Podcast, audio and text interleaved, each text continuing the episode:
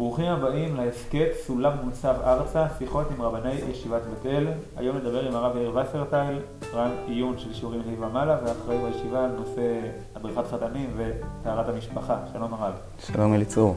בתור התחלה רצינו לשאול אם הרב יכול לספר על מה לומד בחור ישיבה לקראת חתונה, מה ההכנה ההלכתית, מה ההכנה הרוחנית. בהכנה ההלכתית בעצם ההדרכה מחולקת לשלושה חלקים.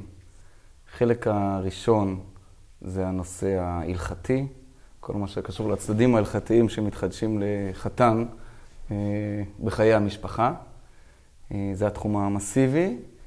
תחום שני זה תחום של זוגיות או משפחתיות או העצמת הבית, אני אוהב יותר לקרוא לזה, אה, כאשר בו מדברים על כל ההדרכות ועצות טובות, אפשר ללמוד מהניסיון מחקרים שיודעים היום, לנהל, אה, שיהיה שלום בית, שיהיה שלום טוב, שהמשפחה תעלה מעלה-מעלה.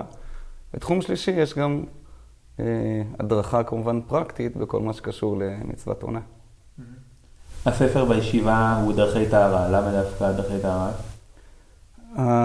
היתרון המיוחד של הספר דרכי טהרה, שיסודו גבוה, והרב מרדכי אליהו, זכר צדיק לברכה, עבר על כולו ושמח עליו, ולכן זה, זה הספר המרכזי והבסיס, גם שבסך הכל יחסית הוא ספר אה, יותר אה, מקוצר ונוח. אם כי אני מדגיש שעיקר ההדרכה אנחנו לא לומדים ברוב הספר, דווקא אנחנו אומרים, חתן מגיע לקראת החתונה ויש לו המון המון פרטים, אז עיקר הדרכה היא דווקא נעשית בעל פה, כאשר מדי פעם אנחנו שולחים לספר כדי ש... שהחתן ידע להתמצא גם בספר ושאלות שאלות לו מעצמו, או שאחר חתונה ידע להשלים עוד פרטים מעצמו. ואיזה הדרכה עובר מדריך חתנים? מדריך, אנחנו בדרך כלל עושים אה, ימים מרוכזים, שבהם אנחנו מעבירים אה, את כל התוכן שאנחנו רוצים להעביר, את המסרים שחשובים לנו. אה, ממש עוברים מפגש-מפגש, אה, נותנים הדרכה מדויקת, מה פחות או יותר כהצעה, מה לעשות אה, בכל אחד מהמפגשים, לזה, כדי לא לפספס אף תוכן. מעבר לזה, מדי פעם גם יש ימים מיוחדים, שיחות מיוחדות. מה דרישות הסף כדי להיות מדריך חתנים? באופן כללי, לפעמים יש יוצאים מן הכלל, אבל באופן כללי, אז אה, אנחנו רצינו שמדריך יהיה נשוי אה, כחמש שנים, וגם שהוא נבחן כבר על אה, הלכות נידה ברבנות, עמד במבחן. וכמובן ש... שהאופי שלו גם יתאים, בודקים מאוד שהאופי של הבן אדם, של המדריך, יהיה יחסית מאוזן, שמתאים להדריך את החתנים בצורה טובה. עכשיו, ההדרכה הכללית בישיבה, בעולם הישיבות אולי, ושהמסלול האידיאלי לבחור ישיבה זה ללמוד כמה שנים בישיבה, להתחתן, להיות אברך, איקס שנים ולצאת לעולם. עד כמה האמירה הזאת היא אמירה שצריך לבנות בית מתוך uh, תורה, ושאדם צריך להיות אברך כמה שנים, ועד כמה זה פשוט, אדם צריך ללמוד תורה כך וכך שנים, הוא גם צריך להתחתן באיזשהו גיל, אז uh, שזה כבר יהיה ביחד. זאת אומרת, יש ערך באברכות, בחיי אברכות, יש לזה מחירים. כן, אני, גם אתמול יצא לי לדבר עם זה עם... תלמיד, ואני מדבר את זה הרבה פעמים, אני בהחלט רואה ערך מיוחד שכל אחד יתאמץ, גם מי שמתכוון לצאת אחר כך לעולם שהוא לא בתוך עולם החינוך או בתוך עולם התורה, זה מאוד מאוד משמעותי שיהיה לפחות שנתיים בתוך אברך, להקים את המשפחה אה, מתוך הישיבה, במיוחד בישיבה שלנו שיש גם קהילת אברכים, כולם גרים פה ביחד ויש המון פעילות בתוך האברכייה, שה, שהאישה, הכלה, תרגיש, תחיה כמה שנים בהתחלה כאברכות, זה משפיע אחר כך על כל הגובה של הבית, על כל הצורה וה... של המשפחה בהמשך. וזה כי, כי מה? כאילו, מה, מה קורה? מה הבן אדם רוכש בשנים האלה? עצם, ה... הרבה מעבר ל... לעצם הלימוד, יש את, ה... את החוויה, שהאישה שותפה לחוויה, לקהילה, היא חובה, היא מגיעה לתפילות בישיבה. היא שותפה בפעילות של הישיבה, החברות שלה זה אברכיות כאן, וכל זה מעלה לאיזשהו גובה של חיים של, של, חיים של ציבור תורני, שהערכים חשובים לו, ערכי התורה, רוצים לבנות על הלכה, הקפדה על הלכה, וכל המקום של הקודש תופס מאוד מקום, מאוד מקום מרכזי בבית. אומרים שיש מעבר חד לבחור ישיבה, שהוא חי תמיד בעולם שבו כל מה שקשור לנשים ואיסור וניסיון וכולי וכולי, ופתאום במעבר חד הוא מתחתן ומתחיל לחיות בזוגיות מלאה. אה, איך מתגברים על הפער הזה? אה, אולי גם נשאל, האם הפער הזה הוא אידיאלי מבחינתנו? זאת אומרת, זה טוב שעד עכשיו זה היה ככה ואחר זה ככה, או שאנחנו אומרים זה סוג של הכרח, שאנחנו בעולם פשוט שאין ברירה, אלא שרווקים יחיו בנפרד ובלי להיפגש כל כך, ואז... אה. Okay. קודם כל זו שאלה שלא אמורה להיות רק על בוחרי ישיבות, אלא לפחות רצוי שהיא תהיה לגבי כל אדם דתי שהוא שומר הלכה, שאצלו אמור להיות אה, אה, פער בין החיים שלפני החתונה אה, לבין, ואמור להיות מהפך גדול אה, בחיים של חתונה, שפתאום אה, הכל מותר. אה, השינוי הזה הוא באמת מאתגר, זה אחד הדברים שגם עם השוב שעשינו הוא מאתגר אה, הרבה אברכים. אה, כדי למצוא באמת את הנקודה המאוזנת, מה טוב ומה לא טוב, כי גם אחרי החיים שהכל מותר, יש עדיין רמות של אה, קדושה ומה יותר מתאים ומה פחות, וחלק מהאתגר הוא שגם לא לכל אחד מתאים אותו דבר, ולכן ההדרכה פה היא, היא יותר רחבה, וכל אחד צריך למצוא לעצמו אה, את החיים בצורה הקדושה והמתאימה לדרגה שלו, לא פחות ולא יותר. לכן באמת זה אתגר ש... שחיים איתו. האתגר הזה הוא הרבה יותר קשה מהצד הנשי, שהכל אסור ופתאום אה, אה, אה, אה, מותר. בדרך כלל החוויה באמת אצל הצד הנשי היא הרבה יותר אה, אה, קשה, ואנשים צריכות לעבור הרבה הכנה לזה. אבל צריך לעבור הרבה הכנה גם מצד עצמו, אבל בעיקר כדי לדעת איך לקבל גם ולעשות את זה בצורה נכונה, לא להקשות על, ה, על האישה שעוברת את המהפך הגדול הזה. אמ, זה אתגר נכון, אה, אבל האתגר הזה הוא גם כן, יש בו רווח אה, מאוד מאוד גדול, שהוא לכתחילה. מי שרגיל בחיים שהכל מותר גם לפני החתונה, אז למעשה הזוגיות היא מבוססת על כמה רבדים. יש את הרובד, הצד הגופני, הקשר הגופני, שהוא הרובד היותר נמוך בעצם בקשר. יש את הרובד הנפשי העמוק יותר, הגבוה יותר. אה, גם כשתקופה שאסורים אומרים לחיות טוב באהבה ושמחה, ולפעמים אה, מי ש... דווקא מי שהגיע מחיים שהכל מותר, אז הזוגיות עלולה להיבנות דווקא על הצדדים הנמוכים של הקשר, ולעומת זאת, ב... מי שחי והדגיש את העיקר על הערכים הפנימיים יותר, גם הקשר שלו אה, בנוי יותר על הקשר הנפשי העמוק. ואנחנו פה בישיבה עומדים על להסביר שגם הקשר, הגופני הוא חשוב והוא משלים ולחיות את ההשלמה. אבל דווקא יש גם יתרון גדול בזוגיות למי שלא חי לפני כן חיים שהם בהם הכל מותר. לא, אני אפילו לא שואל על חיים שהכל מותר, אני שואל אפילו על... ברור שגדל ב... בוא נגיד, רוב החבר'ה פה, אני חושב, לא גדלו בסניף מעורב ושפוגשים את השכנה, מדברים איתה כמו עם השכן לצורך העניין, זאת אומרת... אה, כן, אז בחור ישיבה, באמת, איפה שיותר פוגשים את זה, שיכול להיות בעייתי, זה בפגישות. עכשיו, בכלל לא מכינים מה זה אישה, ולפעמים לא מבינים כל מיני uh, צרכים של אישה. נפגשת עם אישה, לדוגמה, uh, נגמרה הפגישה, אל תשאיר אותה מאוחר לבד, תחכה איתה עד שיגיע האוטובוס, תלווה אותה. יש דברים שלפעמים, יש, יש כאלה, זה אמור להגיע בטבעיות, אבל יש כאלה שלא מספיק באמת מכירים מה זה אישה, להבין את השוני ואת הצרכים. אני לא מבין אם זה שונה ממנו שיכולה ללכת ולחכות בטרמפים באמצע הלילה. אז אה, באמת, יש לנו הרבה פעמים בישיבה מעבירים שיחות הדרכה והכוונה, או באופן אישי, שבאמת חשוב להאיר את אה, עיניהם אה, בדבר הזה. אחרי החתונה, סך הכל יותר מהר מתאזנים. לגבי אחרי החתונה, אז גם כן בציבור שבהם חיים בצורה מעורבת, הם חושבים שהם מכירים מה זה אישה. לא תמיד זה נכון. כי הם חווים את הקשר עם האישה ממקום מאוד מסוים, כאשר לפני החתונה בדרך כלל אדם יותר מחפש את מה טוב לו, מה תורם לו, ו... ולכן אני שמעתי פעם מברלינר, היה מעביר פה, הרי היה אצפו של הישיבה הרבה שנים, דיבר על זה שהרבה פעמים, אה, גם זוגות שהכירו הרבה הרבה שנים לפני החתונה, כמו שנהוג בציבור לדתי, מכירים הרבה שנים, ואחרי זה מתחתנים, ופתאום עולים כל הקשיים בזוגיות. למה? לפני החתונה אתה מאוד מחפש שוב, אתה גם מנסה להיות נחמד והכל, כי זה קשר לא מחייב. אה, גם אתה מחפש יותר את עצמך. אחרי החתונה אנחנו מחפשים משהו אחר. אנחנו בוחנים מה, מה מאחד בינינו ואיך ביחד אנחנו בונים בית. זה דבר אחד. ודבר שני, פתאום הקשר מחייב. עד היום כל אחד היה צריך להוכיח שהוא הכי טוב, כדי שהשני אה, ירצה, ופתאום יום אחרי החתונה, שמחויבים אחד לשני, פתאום כל אחד יכול, עלול, אה, אה, להרגיש שהכל... אה, מובן מאליו. מובן מאליו, והוא לא מתאמץ ולא מנסה, ודווקא הפער הזה הרבה פעמים מביא, עלול להביא לקשיים.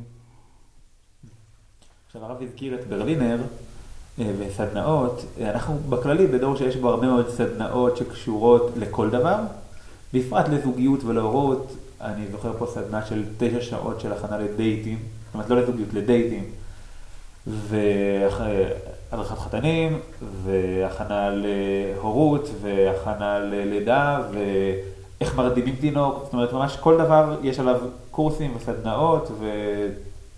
והדרכות.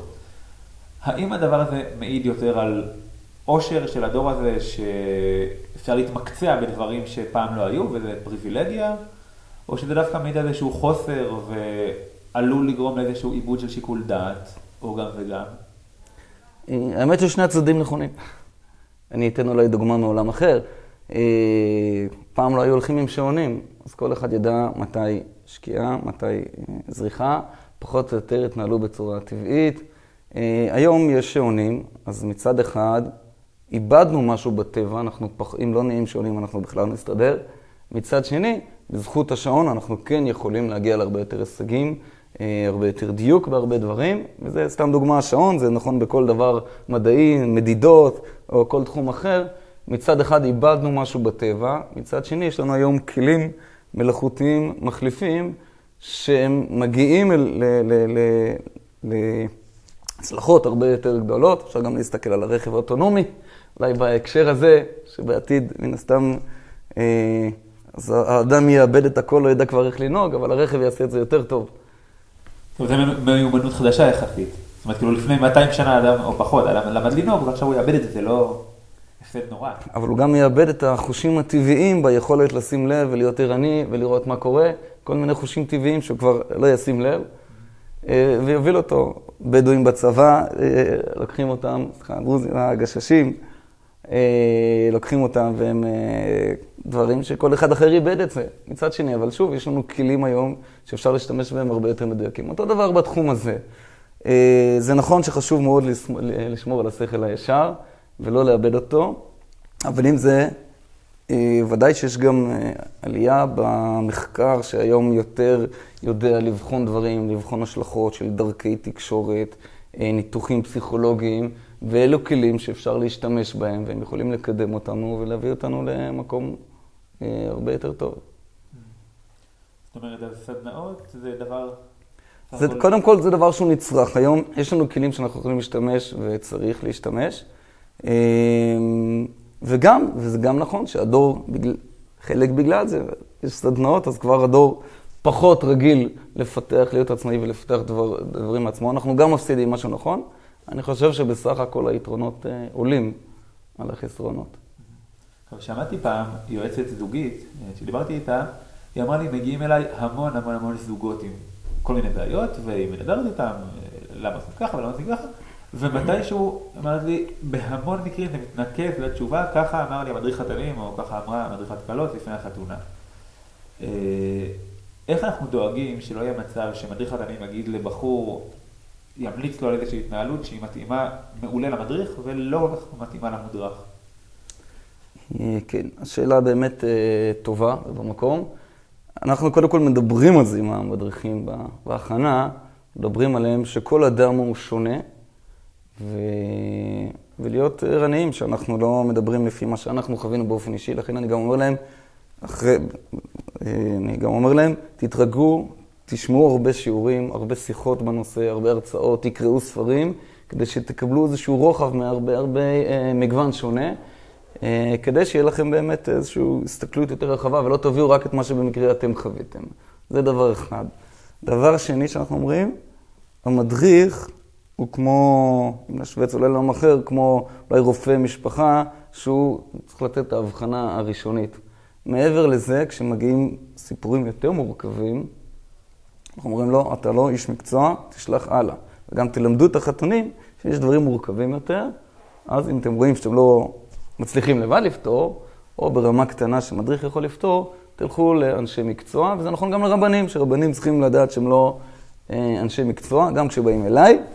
אה, כשאני מרגיש שהדבר קצת אה, יותר מורכב, אני לא מטפל בו בעצמי, אני שולח לאנשי מקצוע, וזה התפקיד שלנו, באמת לא, לא, לא, לא, לא, לא, לא להכניס את, את עצמנו כשאנחנו לא מקצועיים מעבר לצורך. ועדיין, יש לי איזה רושם מהדרכת חתנים, אני אשאל אותו, יש איזה רושם שהתפיסה היא שיש תפקידים של איש ותפקידים של אישה. זאת אומרת, כן מלמדים על המבנה הנפשי של האיש והמבנה הנפשי של האישה, ומה מצופה מזוג, אה, מה שנקרא אידיאלי, לעשות, איך להתנהל. עד כמה באמת אנחנו תופסים את זה ככה, אה, ועד כמה אנחנו תופסים בכלל שלתורה יש פה אמירה, או שזו אמירה פסיכולוגית שמניסיון ראינו שכך וכך נצליח. קודם כל אני חושב שזה אה, אמירה מציאותית שאי אפשר להתעלם ממנה. אה, אגב, עכשיו, ברוך השם, זכינו לפני שנתיים וחצי לשלישייה, שני בנים ובת, שלושתם גדלו ביחד, קיבלו את אותם דברים ואת הכל, ופתאום רק הבת הלכה ולקחה מאחותה הגדולה את הבובה והתחילה לשחק בה, והבנים לא. אנחנו לא נתנו להם, נתנו לשלושתם אותו דבר. ההבדלים שונים וקיימים, אי אפשר להתעלם מהם. אה, ולכן אנחנו בהחלט מדריכים על הבדלים, שיש פערים שמאוד חשוב לדעת, כי כשאדם לא מבין את הפערים, את ההבדלים שיש במבנה הנפשי, בצורת החשיבה הרבה פעמים בין איש לאישה, בין הצרכים השונים, אז uh, הוא עלול מאוד לא להעריך את הצד השני או לא להתייחס אליו נכון, ולכן בהחלט אנחנו מדגישים ואומרים שיש הבדלים. אפשר לתת כמה דוגמאות ל... אה, כן, אני רק אוסיף לפני שאנחנו מדגישים שאנחנו מדברים בדרך הכללה. יש על הסקאלה, יש גברים שיש בהם תכונות מאוד נשיות, ויש גם נשים שיש בהם בדברים מסוימים תכונות מאוד uh, גבריות. אבל אנחנו מדברים באופן הכללה, זה לא אומר, פעם הגיע אליי, דוגמה, חתן היה מתוסכל מזה שהוא קונה לאשתו פרחים, ואשתו לא רוצה, uh, uh, בכלל לא מעוניינת פרחים, לא, לא יודע מה לעשות. אז לא, לא כולם חייבים להיות אותו דבר בכל תחום, אבל בדרך כלל, בסך הכל, ההבדלים כן מאוד שונים. לדוגמה, האישה, החשיבה של האישה וצורת החיים שלה הרבה יותר אה, מושפע מהרגש. ולכן, אה, לדוגמה, ההתייחסות של כל דבר תהיה מאוד, מושפעת אפילו מאיזה שעה דיברת איתה. אם, אם אה, הצעת לעשות, נגיד אתה רוצה לארגן איזשהו שבע ברכות לחבר, תשאל את האישה, כשהיא עמוסה בדיוק באותו רגע בשעות הבוקר וצריכה ללכת לעבודה, אז אה, זה יגדיל מאוד את הסיכוי שהתשובה תהיה שלילית אה, לעומת שעה אחרת. זה נכון גם אצל גברים שוב, אבל יש פה שאלה של מינון. אצל האישה המקום הרבה יותר מורגש. יכול להיות בהרגשה, ביחס כלפי חינוך ילדים, אם תינוק בוכה, אז הבעל הרבה פעמים יותר ייטה לצד. שבוא נחנך אותו, שיתרגל להסתדר לבד. והאישה, אבל היא לא יכולה לשאת את זה. רגע, אבל משהו, אולי, אולי משהו קשה לו, אולי משהו חסר לו, בוא, בוא נדאג לו. אצל מי התשובה הנכונה? אין פה תשובה חדה, והבעל צריך להתרגל לזה שיש גם הסתכלות אה, אה, שהיא יותר רגשית או יותר נשית, ולא להיות בטוח תמיד שהוא צודק, וכן להפך. עכשיו, בנושא אחר, הרבה פעמים בישיבה מתחתנים לפני צבא. אז שוב אני אשאל כמו ששאלתי על האברכות. זה דבר שהוא אידיאלי, או דבר שהוא סוג של כורח? אמ, קודם כל, ההדרכה פה היא צריכה להיות הכוונה אישית כמובן. אה, באופן כללי, מי שיכול, כן, אה, העדפה היא כן מי שיכול, קודם כל ללמוד ומתוך כך לצאת לצבא. זה נכון שזה קשה יותר מבחינה, אה, מבחינת הבית, זה דורש יותר, אה, מאתגר את האישה, כמו שמאתגר אותה כל דבר אה, גדול שהמשפחה עושה, אבל אם מאמינים בו זה נותן את הכוחות.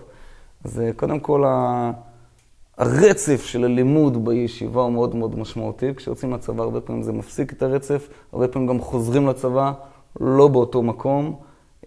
גם כאלה שיצאו עם חלומות ואנחנו נמשיך ונחזור לישיבה, רואים שמשהו משתנה, לא תמיד קל לחזור עם, אותו, אה, עם אותן אנרגיות או עם, אה, עם אותן היכולות. יש גם דרכים ש, שמרוויחים, שנרכשים, אבל אני אומר, יש הרבה דברים שגם אה, לפעמים אה, לא חוזרים אליהם אותו דבר ומאתגרים. ומעבר לזה, כאשר הבית מעוצב, ומתוך כך אתה מגיע לצבא, כמובן זה אדם כבר מעוצב, הוא מגיע לצבא, אז השינויים ש, שבצבא, שיותר אה, קטנים, פחות משפיעים על הבית. ואיך אדם יכול להכין את עצמו לקראת אה, שירות צבאי כשהוא נשוי? זאת אומרת, יש דברים שכדאי לו לקחת בחשבון מראש, לחשב אותם, ל... בגדול זה כמו כל דבר, אה, כמו כל דבר בזוגיות, שחשוב להיות בעלי מידות טובות. אה, זה העיקר, ועל על, על גבי זה הכל נבנה. יש הכוונות לפעמים יותר אישיות, שבדרך כלל אה, משתדלים, משתדלים בישיבה לדבר עם, ה, עם האנשים נשואים שהולכים אה, לצבא. בעיקר בתחום הזוגי, למשל, צריך לדעת, הדבר מאוד מצוי שהבעל יוצא לצבא, בצבא אתה קצת חי כמו בבועה, שרוי בתוך עצמך. אה, עסוק כל היום, ולפעמים יש דברים שמאתגרים בצבא, בטח בטירונות, שיכול להיות שהבעל אה, מגיע מתוסכל או גם מגיע עייף.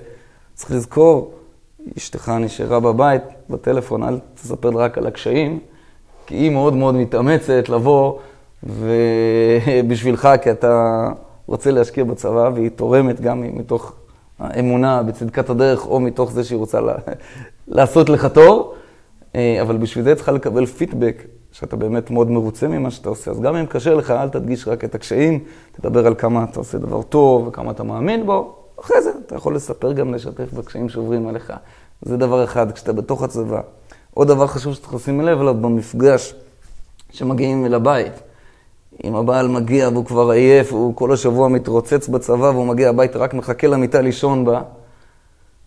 ומאידך, האישה כל היום חוותה בבית, אה, הייתה לבד, התמודדה עם הילדים לבד, עם כל הבית, כל הזמן חיכתה רק שהבעל כבר יגיע אה, לבית ויעזור לה קצת. והנה במפגש הזה כל אחד עסוק ושם, עלול לשים לב לצד מה שהוא עבר, ואז כשמגיעים ביחד עלול להיות הפיצוץ. רגע, שים לב, חווית המון יכול להיות, אבל תנסה לחשוב קודם כל מה חווה הצד השני, אולי גם הוא זקוק אליך, אתה רק מגיע, רוצה כבר לישון או שיפנקו אותך, איך תגיע הביתה, אשתך תכין לך כוס קפה, תשאל מה שלומך ותיתן לך לנוח.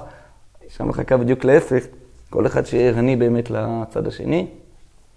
יש דברים שגם צריך לפעמים, הם יכולים לעזור, עניינים של, של טהרה, אם אפשר להיעזר, לדאוג, בעל יוצא לרגילה, לדאוג להיות אה, מותרים כמובן באותו זמן, זה יותר מהצד ההלכתי. ולסיום, האם הרב יכול להגיד כמה עצות, דברים שכל זוג צעיר או ותיק אה, כדאי לו לדעת? קודם כל חשוב לדעת, וכדאי לדעת, שלבנות משפחה זה משהו כל כך נפלא, גם ברמה הטבעית והמציאותית. אה, אין אדם שרוי, אה, אדם השרוי בלא אישה, שרוי בלא שמחה. אנחנו יכולים לראות את זה על רווקים מאוחרים. אז באמת כשאנחנו נמצאים אה, בתוך בית, בונים את הכל, כל הכוחות נבנים ביחד, זה ברמה הטבעית. ומעבר לזה, כמובן, כ- כיהודים מאמינים, כעם ישראל, הערך של הקמת המשפחה זה אחד הערכים הגדולים ביותר בתורה. הזכות הזאת, כל בית, אה, זוג שמקים בית, זה, זה, עוד, עוד, אה, זה עוד מעוז לשכינה. הוא בנה פה עוד חורבה אחת, זה אומר שהוא בנה פה עוד מבצר ל... בית, מקדש מעט ברמה מסוימת אה, שהוא יוצר פה, במיוחד שאחרי זה זוכים לגדל ילדים, אז כל ילד זה עוד, אה, עוד צלם אלוקים שמביאים לעולם. אז אה, יש הרבה דברים מאתגרים בדרך כדי לבנות באמת משפחה טובה. אז זה כמובן דורש השקעה. אז קודם כל המסר הוא, צריך להשקיע. ואני תמיד אומר, זה כמו המסילת ישרים, הוא כותב שהספר הזה, גם אם הוא ידוע, צריך כל הזמן לחזור עליו. גם בזוגיות, כל הזמן חשוב להשקיע וצריך להמשיך להשקיע ולשמוע גם שיחות בנושא מדי פעם, אה, כדי לרענן את הזוגיות, לרענן את ה... אה, עד שהבעל והאישה מגיעים לאתגר של רב אריה לוין, שהרגל שלך כואבת לי, באמת אבל, אז יש הרבה רמות עד שמגיעים בדרך, ואנחנו צריכים כל הזמן להמשיך ולרצות, להמשיך לעלות ולהגיע לדרגה עוד יותר גבוהה. וכשיודעים מה הגודל והזכות להקים משפחה, זה גם נותן המון כוח אה, לדחוף, לעמוד בכל האתגרים. כי אנחנו עומדים בעולם שבו העולם מדבר הרבה על חופש, על הזכות של החופש, אז לפעמים זה ניצב מול בן אדם שאומר, אז למה לי להקים משפחה? זה נכון, אדם שמקים משפחה, במובן הנמוך של המילה חופש, הוא מאבד אותה, הוא לא יכול לעשות מה שהוא רוצה, הוא כבול למשפחה. במובן העמוק יותר, שהוא מקים באמת את מה שבאמת טוב לו והוא מתאים לו, שזה החופש הבאמת יותר גבוה, את זה הוא מרוויח. וכשיודעים את זה, זה נותן הרבה כוח להשקיע, להקים בתים טובים, בעזרת השם. אמרו לי פעם בצבא, הייתי כבר נשוי, אמרו לי, למה סיימת את החיים שלך כל כך מוקדם? אמרתי להם, תחשבו על בן אדם בן 40 שאין לו אישה ואין לו ילדים. יש לו חיים או אין לו חיים? אמרו לי, אין לו חיים. אמרתי, אני התחלתי את החיים נורא מוקדם, אני לא סיימתי את נורא מוקדם. טוב, תודה רבה. תודה לך. כן, הרבה שנים של הבאת טוב לעולם ולימוד ובהדרכה. אמן, בעזרת השם, שיהיה בהצלחה לכולם, שיקימו בקלות את הבתים, ושיהיה בבתים עצמם, בעזרת השם, יגדילו את הטוב, את השלום, את השמחה. אמן.